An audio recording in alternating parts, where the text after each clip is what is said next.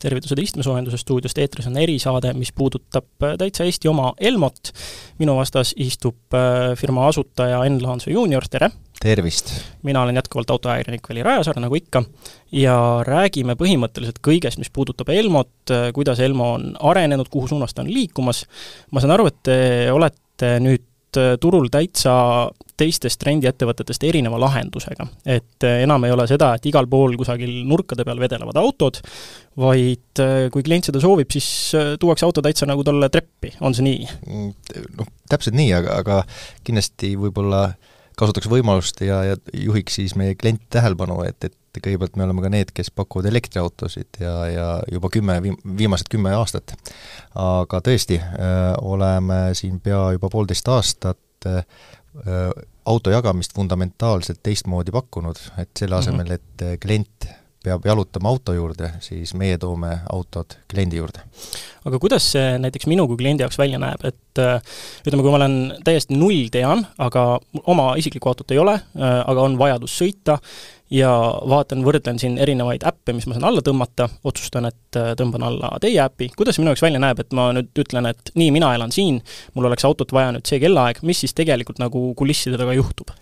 Ehm, ütleme, kliendi vaatest see asi ongi nii lihtne, et äh, meie äpp on natukene teise ülesehitusega, et äh, meie kliendil on sisuliselt vaja teha kaks valikut, et kas valik see, et ta läheb auto juurde, mis on siis üldlevinud autojagamisteenus, või siis teise nupuga laseb auto enda juurde tuua. Ja, ja seal on vaja valida sobivad kuupäevad, kellaajad, sa saad sisuliselt ühe korraga kogu kuu või mit-, mitme kuu tellimust ära esitada, vajutad send ja kõik ongi korras ja siis meie ülesanne on auto sinul ukse eh, ette tellitud aega, ajal või aegadel tuua. aga kui palju teil eh, on üldse kliente ja kui palju siis ütleme, protsentuaalselt ja võib-olla hul-, arvuliselt kasutavad seda võimalust üldse? Ehm, kokku on Elmol üle kahekümne tuhande kliendi, täna me teenin-, ütleme ligikaudu oleme kasvatanud sellise ligi viisteist protsenti on juba nii-öelda ettetoomine ja see iga kuu, igakuiselt kasvab, ehk eh, kõikidest meie sessioonidest toome umbes viisteist protsenti tänase viimase seisuga klientide ukse ette. ja kas seda teenust saab eh, kus kohas Eestis täpsemalt? Tartus ja Tallinnas, mõlemas linnas ja kas äh, nendest äh, umbes viieteistkümnest protsendist siis on äh, suurem osa sellised pikaajalised tellijad, kellel on kindel nii-öelda graafik, või on ka selliseid ütleme, impulsiivmõtlejaid palju?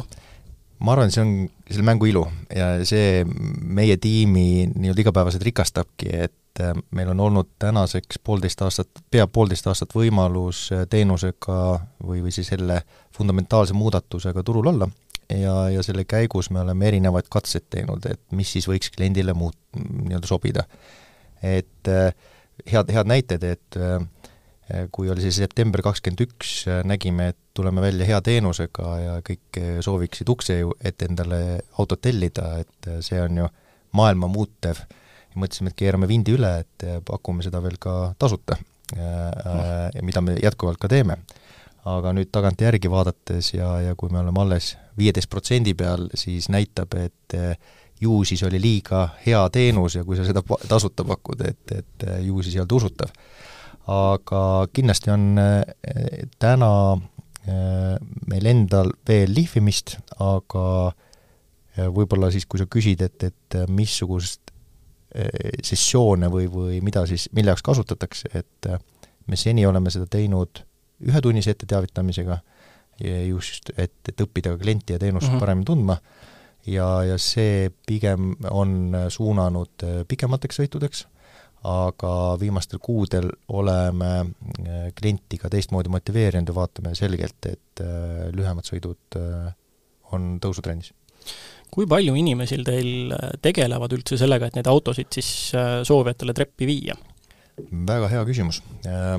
Et et äh, kindlasti ma arvan, kuulajaid äh, huvitab see tehnoloogiline pool, et kus, äh, mida siis me Elmos arendame, ehk kaugjuhitav auto, ja seal inimese osakaal märkimisväärselt väheneb. Täna ütleme, seda mahtu me haldame ära sellise kahe kuni nelja inimesega ehk siis operaatoriga mm. päevas. sõltub siis vahetuse pikkusest, et et praegu see on veel sellises mahus, aga nagu ma ütlesin, et see trend on selgelt kasvav, nüüd me näeme, et, et võtab järjest tuure juurde ja, ja ongi õige aeg kindlasti ka inimeste kogust suurendada, aga tehnoloogia on täna valmis ja juba ka tegelikult tänavatel liikumas no sa just ütlesid selle hea suminasõna, et mm -hmm. kaugjuhitav auto, äh, teil oli ju ka täitsa sellega seotud roadshow alles hiljuti. Tä-, täpselt öelda isegi täna lõpeb äh, Austrias. mis te selle, selle raames siis, siis tegite, mis sorti kajastust see sai, mis katseid te tegite, kui palju inimesi sellega üldse seotud oli ja mis te sellest siis õppisite? Ehm, lihtsalt teadmiseks, et me oleme oma kaugelt juhitava autoga eh, sõitnud eh, vähese, kas siis suletud või avalikel teedel eh, varem Pariisis, Toulouse'is, Los Angeleses, Münchenis, Berliinis, Helsingis ja päris mitmes muus kohas. Nüüd tõesti lõppes kolmas tuur Saksamaal, kus me juba siis üks-ühele kliendi hoovis, kliendi maja ees tänaval äh, Äh, näitame äh, tehnoloogiat, äh, kliendid, kes siis on varem endale ära valideerinud, et kas kaugjuhitav auto võiks neile sobida, see tuur on kestnud meil siis, mis tänasega lõpeb Austrias, ta oli siis Saksamaa ja Austria, kokku üle kolme nädala. Mm -hmm. ja sisuliselt viieteistkümnes erinevas kohas, viieteistküm-, no märkimisest rohkema numbriga kui ainult viisteist, aga viieteistkümne erineva kliendiga, täpselt nii aga nüüd see tehnoloogiline pool seal taga, näiteks kui, kui mina otsustan, et mulle see kaugjuhitav auto variant sobib ka, ütleme, et see tehnoloogia saab äh, lubatud tänavatele, see saab standardiks, kui ma sinna autosse istun, kas seda kuidagi ähm, eristab äh, teistest rendiautodest midagi mm,? Kui sa vaatad seda kliendi vaates, siis ei, et äh, me oleme alati esimesest päevast alates, kui oleme tehnoloogiat arendama hakanud, et kui me vaatame auto jagamist, siis see peab olema kõigepealt lõppkliendile mugav ja mm, -hmm. ja auto peab olema mitte ufolik, et mm -hmm. peab tulema ta-, tänapäeva auto äh, ja, ja me oleme suutnud seda peaaegu saavutada, et jah, täna veel on kaamerad osadel autodel nähtavad, äh, varsti nad saavad karbiku taha, ilusa karbiku taha tagasi pandud mm, -hmm. aga, aga jah, kliendi jaoks ei ole sisuliselt nähtav, eristatav aga, aga ma arvan, kindlasti see logo, mis seal auto peal täna kaunistab, siis ütleb, et, et vahi-vahi, minu nüüd maja ette tuli kaugelt juhitud auto aga mis nüüd siis võiks olla see järgmine samm, et noh, kaugjuhitav auto on üks asi, äh, noh, äh, juba nimest ma järeldan, et äh, keegi ilmselgelt kusagilt kaugelt seda opereerib, kas teil on selleks mingisugune oma keskus või see on ikkagi inimene, kes suhteliselt sellele autole lähedal peab olema või kuidas see, see osa toimib? me juhime autosid kaugelt läbi 4G võrgu mm, -hmm. meil on oma juhtkeskus, meil on kaugelt kaugjuhid, kes on äh, meie maja sees ära treenitud ja koos, koostöös Transpordiametiga olen kokku leppinud äh, ka nende nii-öelda eksamine-, eksamineerimise.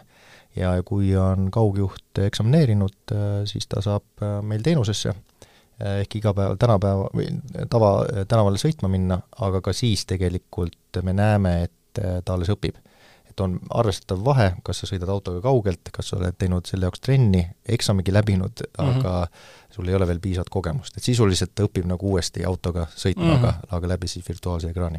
no aga kas see on ka mõeldav, et te kunagi pakute sellist teenust, et äh, inimene võtab kaugjuhitava auto ja lasebki end kaugjuhtida sihtkohta? see on üks populaarsemaid küsimusi ja, ja see võiks äh, panna umbes paralleelsi ka, et, et oh, kuule, siis ma saan ju reedeti baari minna oma autoga, et Äh, noh, teoorias kõik on võimalik mm, -hmm. me täna lähitulevikus ei näe sellel äh, nii suurt jumet kahest aspektist, et on riski kasv, kui inimene on sees autos ja teiselt poolt ta ei too kliendile kasu. et me ei tohi unustada, et see teenus peab olema täna kättesaadav ja kliendile vastuvõetava kuluga.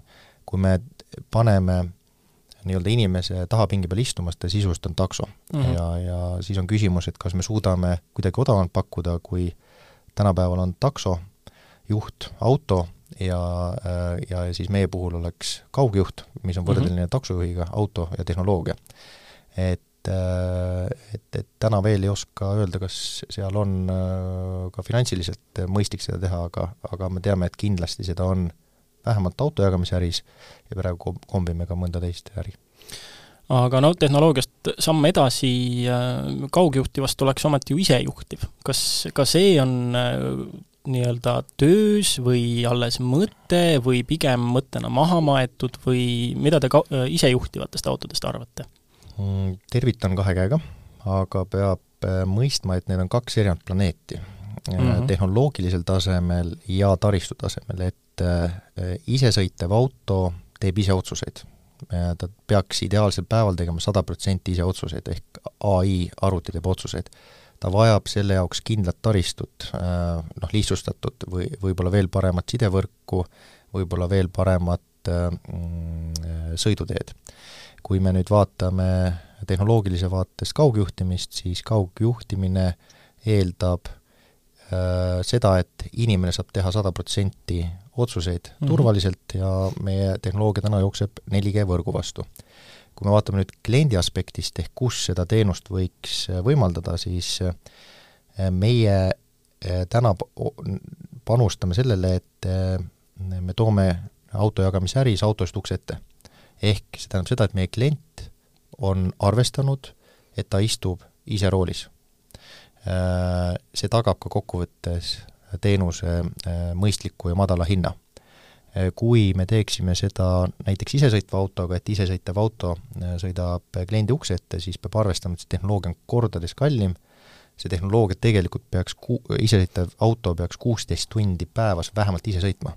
siis oleks kasulik mm. -hmm. ehk äh, kui tehnoloogia on kallim, seda kasutatakse ainult lühikeseks sõiduks, siis klient maksab selle lõplikult kinni ja, ja me ei näe, et isesõitev auto võiks autorendiäris äh, lähiajal kohta leida aga kui me tuleme tagasi selle auto kliendini toomise juurde, olgu see siis mis iganes viisil, äh, kas see on praegu siis teie puhul täiesti unikaalne, kui teiste konkurentidega võrrelda?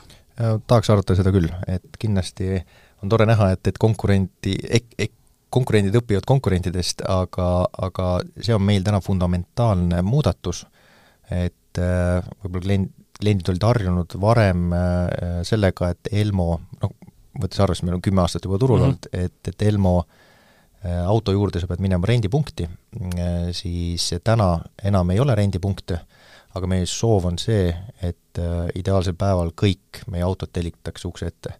Ehk meil ei ole enam siis ühel päeval free float'i, me ei pea ka meelitama klienti rendipunkti või, või muu, kuhugi muusse punkti. ja olgem ausad, et see eh, finantsi, mitte, ei ole küsimus aususes, vaid äh, küsimus on selles, et see finantsiliselt äh, mängib arvestatavat rolli mm, -hmm. see on, muudab autojagamisäri kasumlikumaks ja, ja erinevad, see suurendab äh, ressursikasutust, ehk me suudame siis ühe auto paremini tööle panna ja meil on ka vähem autosid tänavatel ootamas kliente, ehk ka visuaalne reostus on väiksem aga kui näiteks äh, klient võtab selle auto treppi toomise, aga soovib kuskile mujale jätta, kas ka see on täiesti mõeldud? ja, ja, ja, ja, ja, et, et selles mõttes see täielik mugavus mõlemal suunal, et ühelt poolt telli auto ukse ette ja siis sisuliselt jätta ta metsa, meie võtame ta metsast, liigutame ta ideaalis kohe järgmise kliendi ukse ette, et see on see ideaalne unelm ja, ja, ja eesmärk, kuhu me pürgime ja ma arvan, et see ei ole kaugel aga tulles nüüd tagasi selle tehnoloogilise poole juurde, siis äh, kümme aastat, sa mainisid, on Elmo tegutsenud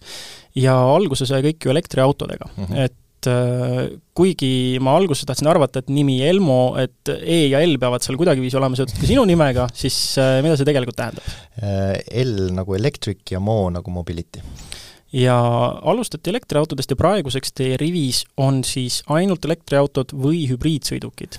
Äh, oleme äh, teinud otsuse, strateegilise otsuse äh, juba mõni aasta tagasi, et, et peame oma klientidele pakkuma ka hübriidautosid ja noh, see on praktiline otsus. elektriautod, kui me räägime paar aastat tagasi, ei olnud veel piisavalt küpsed, olgem ausad, me oleme kliimas, kus elektriautoga talvel on jätkuvalt veel peavalu ja, ja et pakkuda mugavat teenust oma kliendile ka pikemateks sõitudeks, vähem muresid, siis ka leidub meil mõningad hübriidautod. kas hübriidide osas te olete valinud pigem tavahübriidid või pistikhübriide või on teil kompott kõigest? Meil pistikhübriide ei ole, et see ei muudaks seda peavalu väiksemaks, et mm. meil on siis tõesti kütusel toimivad ja ka rohegaasil toimivad hübriidid ja kuidas praegu tundub olevat äh, klientide eelistus, kas neil ongi näiteks, et ma võtan äpi ette, mul ongi kohe valik, et elektriauto või hübriidauto või kuidas sellega on? Ehm, nüüd ütleme, kui mõni, ütleme, peaaegu umbes kolm aastat tagasi vist sai hübriidi hakatud kaasa, kaasama, siis tegelikult viimasel kahel aastal selgelt, kus kõik autotootjad on toonud välja elektriautosid Äh, elektriautod on uus normaalsus, siis enam ei ole vahet. Äh, me ei oska, oska isegi analüüsida, äh, kumba siis eelistatakse nagu rohkem või mitte ja kas nimelt valitakse hübriidi või ma pakun jah, et kui pikemad sõidud, siis, siis võib-olla nimelt tehakse otsus hübriidi kasuks. aga tulles tagasi, siis no me oleme täna selles ju faasis, igapäevaselt näeme, et ka täna oli uudis, et aastaks kolmkümmend viis vist mm -hmm, ei, ei tohiks ühtegi äh, muud kui elektriautot müüa, siis see on äh, see, kuhu maailm on liikumas. Samas annan nagu vihjet, et kindlasti me oleme valmis kaaluma ka teisi tehnoloogiaid, väga huvitatud on, huvitav on näiteks vesinik, vaatame, mida Prantsusmaa teeb, kus on vesinikuautosid päris palju mm -hmm. juba tänavatel ja, ja seal see on ka siis üks, varem rääkisime Saksamaa, siis Prantsusmaa on meie teine sihtturg kas te olete ise juba ka mõne katse teinud, noh, ega meil peale Toyota Mirai nagu väga valikuid ei ole, oled ise proovinud? Ehm, no auto on auto Te, mm -hmm. tegelikult ei, ei ole nii suur võib-olla te-, auto tehnilise, tehniline spetsialist või fänn, et ma teeks autol vahet, auto on auto, ma, mina lähtun väga lihtsalt, et tegemist on tarbeesemega, see peab olema mugav mm. -hmm. ja, ja kui noh, täna ei ole mõtet katsetada, sellepärast et ei ole taristut, et äh, vesinikutaristut silmas pidades nii et äh, kui need mõlemad asjad saavad lahendatud, siis teoorias äh, peaks olema vesinikauto märkimisväärselt mugavam, kui on elektriauto mm. -hmm. aga seal on otse loomulikult teisi nüansse ka ja see, me ei ole siin, et teha, teha nii-öelda propagandat ühte või teise, et meie oleme need, kes, me oleme need pioneerid, kes mm. katsetavad uusi autosid ja, ja võib-olla siis saabki siin, et kui L Mo oli electric mobility, et siis ta äh, kindlasti kann-, täna kannab environmental äh, mobility äh, sõnumit äh, noh, selle keskkonna saab äh, väga hästi ka selles mõttes juba sisse tuua, et näiteks saate salvestusele sina ei tulnud kesklinna mitte autoga, vaid sa tulid täitsa nagu ühistranspordiga, et ma saan aru, et selline keskkonnasõnum on teil ettevõttes olnud täiesti algusest peale? Täpselt nii, et äh, mina isiklikult kõik, äh, millega mina kokku puutun, on keskkonnasäästuga seotud, äh, see motiveerib mind isiklikult väga palju ja, ja, ja ma tahaks öelda, et, et tore on näha, et meil on ka läbi selle lihtsam ka siis oma tiimikaaslaseid motiveerida, et et, et alatihti, kui, kui meil on põhjus kedagi värvata või meie poole osatakse pöörduda, siis öeldakse, kuulge, et ma tahaks sellest osa olla, et see teeb uhkeks aga keskkonnasääst äh, ja see, mida te oma ettevõttega propageerite, kust see keskkonnasääst teil siis lõppkokkuvõttes tuleb, et kui, kui võtta nii-öelda pulkadeks lahti teie töö, siis äh, mis sammudesse see keskkonnasääst integreeritud on? kõigepealt kõige suurem sääst on jagamises ehk auto kui ressursi jagamine. ehk äh, kõige suurem sääst tuleb sellest, et me loobume oma isiklikest autodest ja hakkame seda jagama. Äh, võrdluseks numbrid, isiklik auto seisab üheksakümmend viis protsenti ajast tänaval mm, -hmm. jagatud auto viiskümmend kuni kuuskümmend protsenti, ehk sealt tuleb juba kümme korda efektiivne, efektiivsem ressursikasutus. Äh, jah, elektriauto hoiab kokku CO2, aga ta-, tavaliselt ei räägita seda lause teist poolt, et äh, kuskilt ta peab elektri saama äh, ja, ja õige on öelda, et hoiab CO2 teket linnaruumis kokku mm. -hmm. Nüüd, kui tuua meie tehnoloogia mõõde, kaugjuhitav auto, siis tänu sellele, et me teeme auto jagamise te-, teenuse mugavamaks, siis me muudame selle tänu mugavaks muutumisele me tõstame siis kliendi soovi rohkem ja rohkem auto jagamist kasutada. Ehk kõigepealt siis on see, kõige suurem muudatus on sellest, et tullakse järjest rohkem autosid jagama või sõidukeid jagama, siis äh, otse loomulikult missiooniks elekter või, või mõni muu parem tehnoloogia, mis siis aitab kontsentreerida CO2 teket või seda üldse ära hoida ja siis ka kaugelt juhitava tehnoloogia mõõde, et, et aitab siis neid eesmärke täita, teha teenust mugavamaks. selle auto seismise versus kasutamise osas ma põrgatan sulle kohe vastu küsimuse, et kas autoressurss siis äh, lihtsalt, kas ei ole lihtsalt see, et autoressurss saab lõpuks varem kasutatud? Äh, jaa, ja see tegelikult ongi ju eesmärk, aga autoressurss ei muutu äh, kasutuks sellega, kui ta saab viissada tuhat äh, kilomeetrit täis. sul on võimalus vahetada mootori osasid, sul on võimalus mm -hmm. vahetada mingeid muud osasid, et miks me tegelikult autosid vahetame, on äh, emotsionaalne soov sõita uuema ja paremaga äh,. Et, et ma arvan, see nii lihtne ongi, et kokkuvõttes auto äh, peab olema nii-öelda tarbeese äh,, ta, mida kiiremini ja efektiivsemalt seda kasutad, seda parem, aga ärme, ärme alahinda, et ka viie või kümneaastane auto on jätkuvalt auto küsin siia juurde ka seda, et jälle, kuna mind ka sellise ettevõtte telgitagused huvitavad, mhm. siis äh, autode hooldused, hooldamine, äh, kui tihti teil seda ette tuleb, kui, kui suur see sõidukipark on ja kui palju te neid hooldama peate ja mis läbisõitudest te näiteks sellise keskmise enda autopargi auto puhul aastas räägite? Ähm, meil on täna üle saja kolmekümne neljarattalise, olid ka eelmisel hooajal kaherattalised elektriauto kasuks räägib see, et neid peab suhteliselt vähe hooldama, ehk äh, see, kui me räägime nii-öelda tarbimise kulumisest, siis äh, elektriauto kasuks tõesti räägib vähesem hooldamine. Äh, autod sõidavad keskmiselt kolmkümmend kuni nelikümmend tuhat kilomeetrit aastas. no aga kui me võtame auto jagamise nüüd üldisemalt ette, ja vaatame seda turgu, kas sa arvad, et auto jagamine ongi nüüd isikliku sõiduvahendi omamise alternatiiv tulevikus, kas see saabki nii olema, et isiklikust sõiduvahendist saab pigem luksese ja väheste rõõm ja enamus inimesi leiavadki ja saavadki oma vajadused kaetud auto jagamisega? tahaks öelda, et jah äh,, aga ma tooks ka teise hüpoteesi, et äh, on see isiklik auto või, või roller või, või midagi, isiklik buss, et kokkuvõttes on nende kõikide äh, sõiduvahendite eesmärk inimest või asju ühest kohast transportida. ja, ja siin ka värske, värske äh, Saksamaa kogemus, et äh, seal on tegelikult auto jagamisega kolmkümmend aastat vähemalt, ja auto jagamine on üks osa kohalikust transpordist, ehk seda pakub ka või, või motiveerib, tellib kohalik omavalitsus. Et äh, auto jagamine on peamiselt see, kuidas tõhustatakse ressurssi, ta on väga tugev alternatiiv äh, isikliku auto omamisele. Ja olgem ausad, ta on kõ-, kõvasti sää-, äh, kokkuhoidvam kui isikliku auto omamine, et äh, et see on, sellest me ei ole nagu täna rääkinud, aga kulude kokkuhoid ma arvan, on eriti tänases võib-olla majanduskliimas, kus mõni muu komponent, näiteks energia hind on tõusnud, on väga, väga primaarne aga mis see autojagamise turg Eestis üldse teinud on? et kümme aastat tagasi te alustasite, palju oli autosid siis, mis on see seis nüüd Eesti turul praeguseks? Äh, Elmo alustas kunagi kahekümne viie autoga, minul oli võimalus Elmo hankida kolmekümne nelja autoga, kolm, natuke rohkem aastat tagasi oli Elmol, äh, ta oli jätkuvalt veel üks peamine ja, ja ainukene autojagamisettevõte umbes viiekümne autoga, täna on kolme suurima tegija peale üle tuhande auto äh, ta-, e, Tallinnas ja, ja Tartus kokku. aga nüüd äh, selle turuseisu mõttes, kas, äh, kas Eesti turg on juba sinu hinnangul täis, kas ta on üleküllastunud või, või on siin veel ruumi ka ainult meie konnatiigis nii-öelda selle turu arenemiseks? Mm, kindlasti on ruumi, et me oleme nii alguses kui keskel rääkinud ka sellest, et me äh, pigem konkureerime isikliku autoga. Tallinnas on erinevatel andmetel kolmsada kuni nelisada tuhat autot. me räägime sellest, et neid autosid võiks olla kordades väik-, vähem.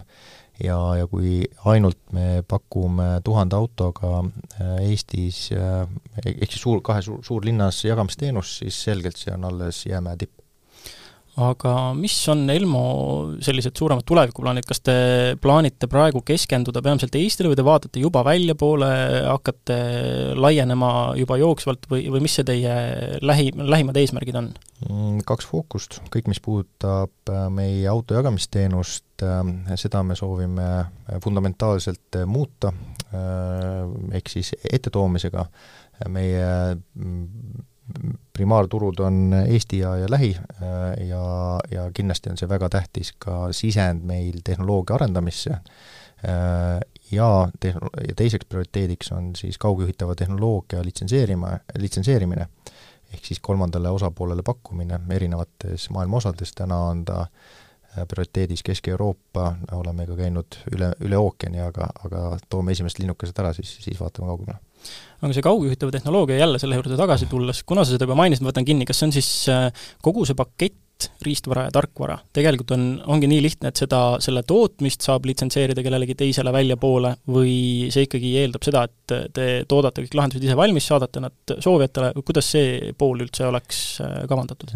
Lisaks äh, keskkonnaambitsioonile või missioonile on meil ka kindlasti see, et Eestist, Eestis toodetakse nutikaid hardware tehnoloogiaid, ehk meie huvi on ja meie eesmärk on, et meie toodet toodetakse võimalikult palju Eestis, otse loomulikult seal on komponendid, mida ei ole mõtet seda teha või siin teha, äh, ostetakse kokku, komplekteeritakse, arendatakse põhiasi, põhiväärtus siin. ja kas see on nüüd lihtne kellelegi kolmandale seda litsenseerida, aga jah, meie eesmärk on litsenseerida ja lisaks pakkuda ka kaugjuhi, juhi teenust kas äh, see tehnoloogia on, ongi plaanitud niimoodi, et Äh, kohe nii-öelda ütleme, karbist välja võttes selle saab panna mis iganes autosse mm,? Ei, ta nii lihtne ei ole, et, äh, et ikkagi sõltub automudelist, mille vastu meie süsteem toimib äh, ja, ja paigaldus võtab, eeldab ikkagi spetsialisti. ja kaugjuhitava juhi või kaugjuhi teenuse pakkumine, kui kaugel maailma otsas paiknevat autot põhimõtteliselt Eestist juhtida saaks? Äh, üllatusega või positiivselt jälgime siin oma, oma kolleegi, kes on ka mandrite vahel juba sõitnud, et et, et liigutavad autod, äh, olles Eestis, või sõidukid Eestis ja sõiduk on ise näiteks Ameerikas.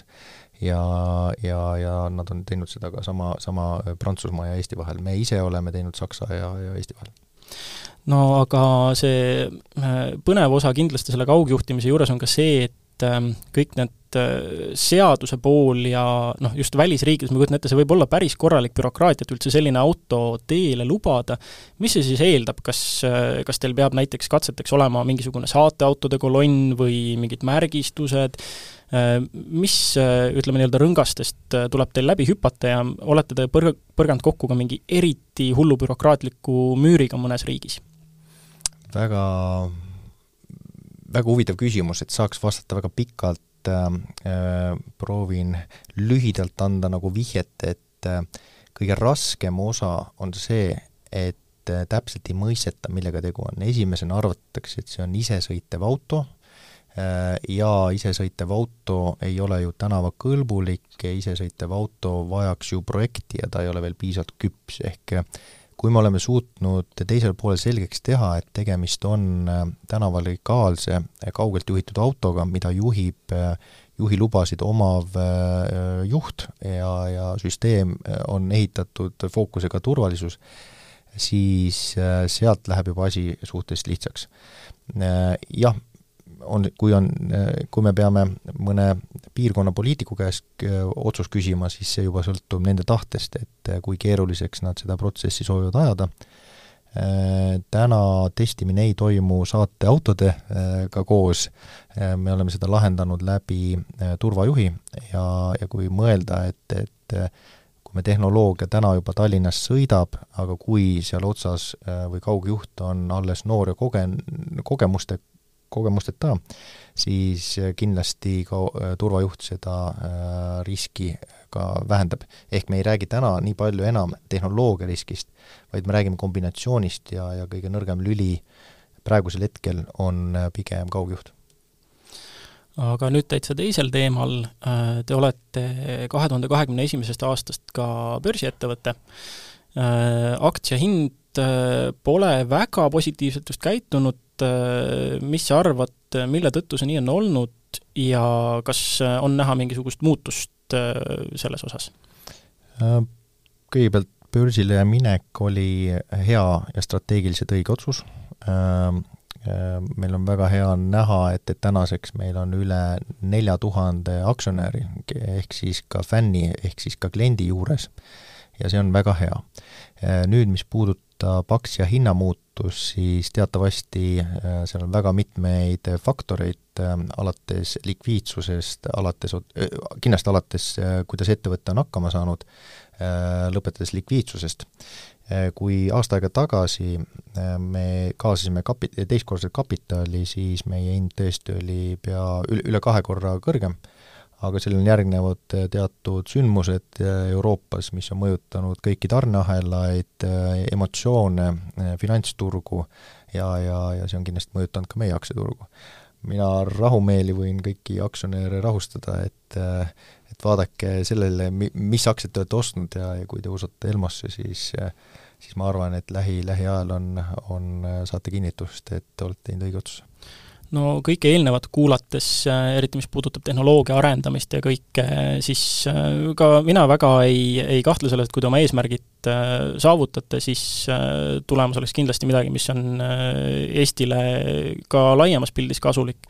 aga kõik see kõlab kuidagi hästi selline, ütleme, mulle kui siis ütleme, nooremale inimesele see kõlab väga nagu titilleerivalt, väga ägedalt, et äh, tehnoloogia areng ja kõik ja Eesti äh, toodaks oma asja ja jällegi oleks nagu Eesti kui tehnoloogiariigi nimi siin, on ju, maailmas äh, esil, aga kas see auto jagamine, noh, kui sa vaatad näiteks oma kliente, kasutajaid, kas see tundub olevat ainult selline nooremate inimeste asi? Äh, jah, sel-, ütleme, selgelt on suurem osakaal, on äh, sellises noorema, äh, ütleme kakskümmend viis kuni, kuni nelikümmend aasta, aasta vanused ja eeskätt meesterahvad.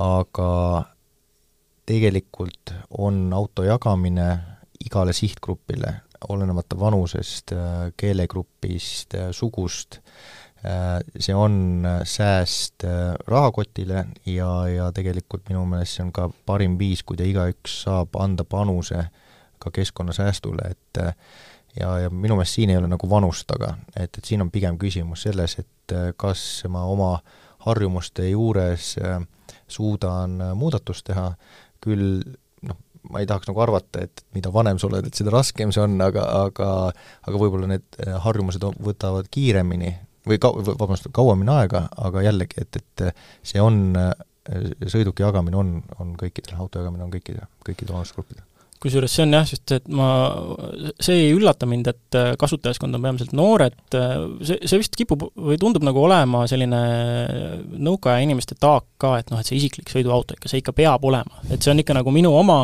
ja keegi teine seda ära ei võta, keegi teine sinna minu istmesse ei istu, et et, ähm, et kas, äh, kuidas julgustada neid inimesi, kes võib-olla selles vaates nii kinni on, et kuidas neid üldse proovima julgustada?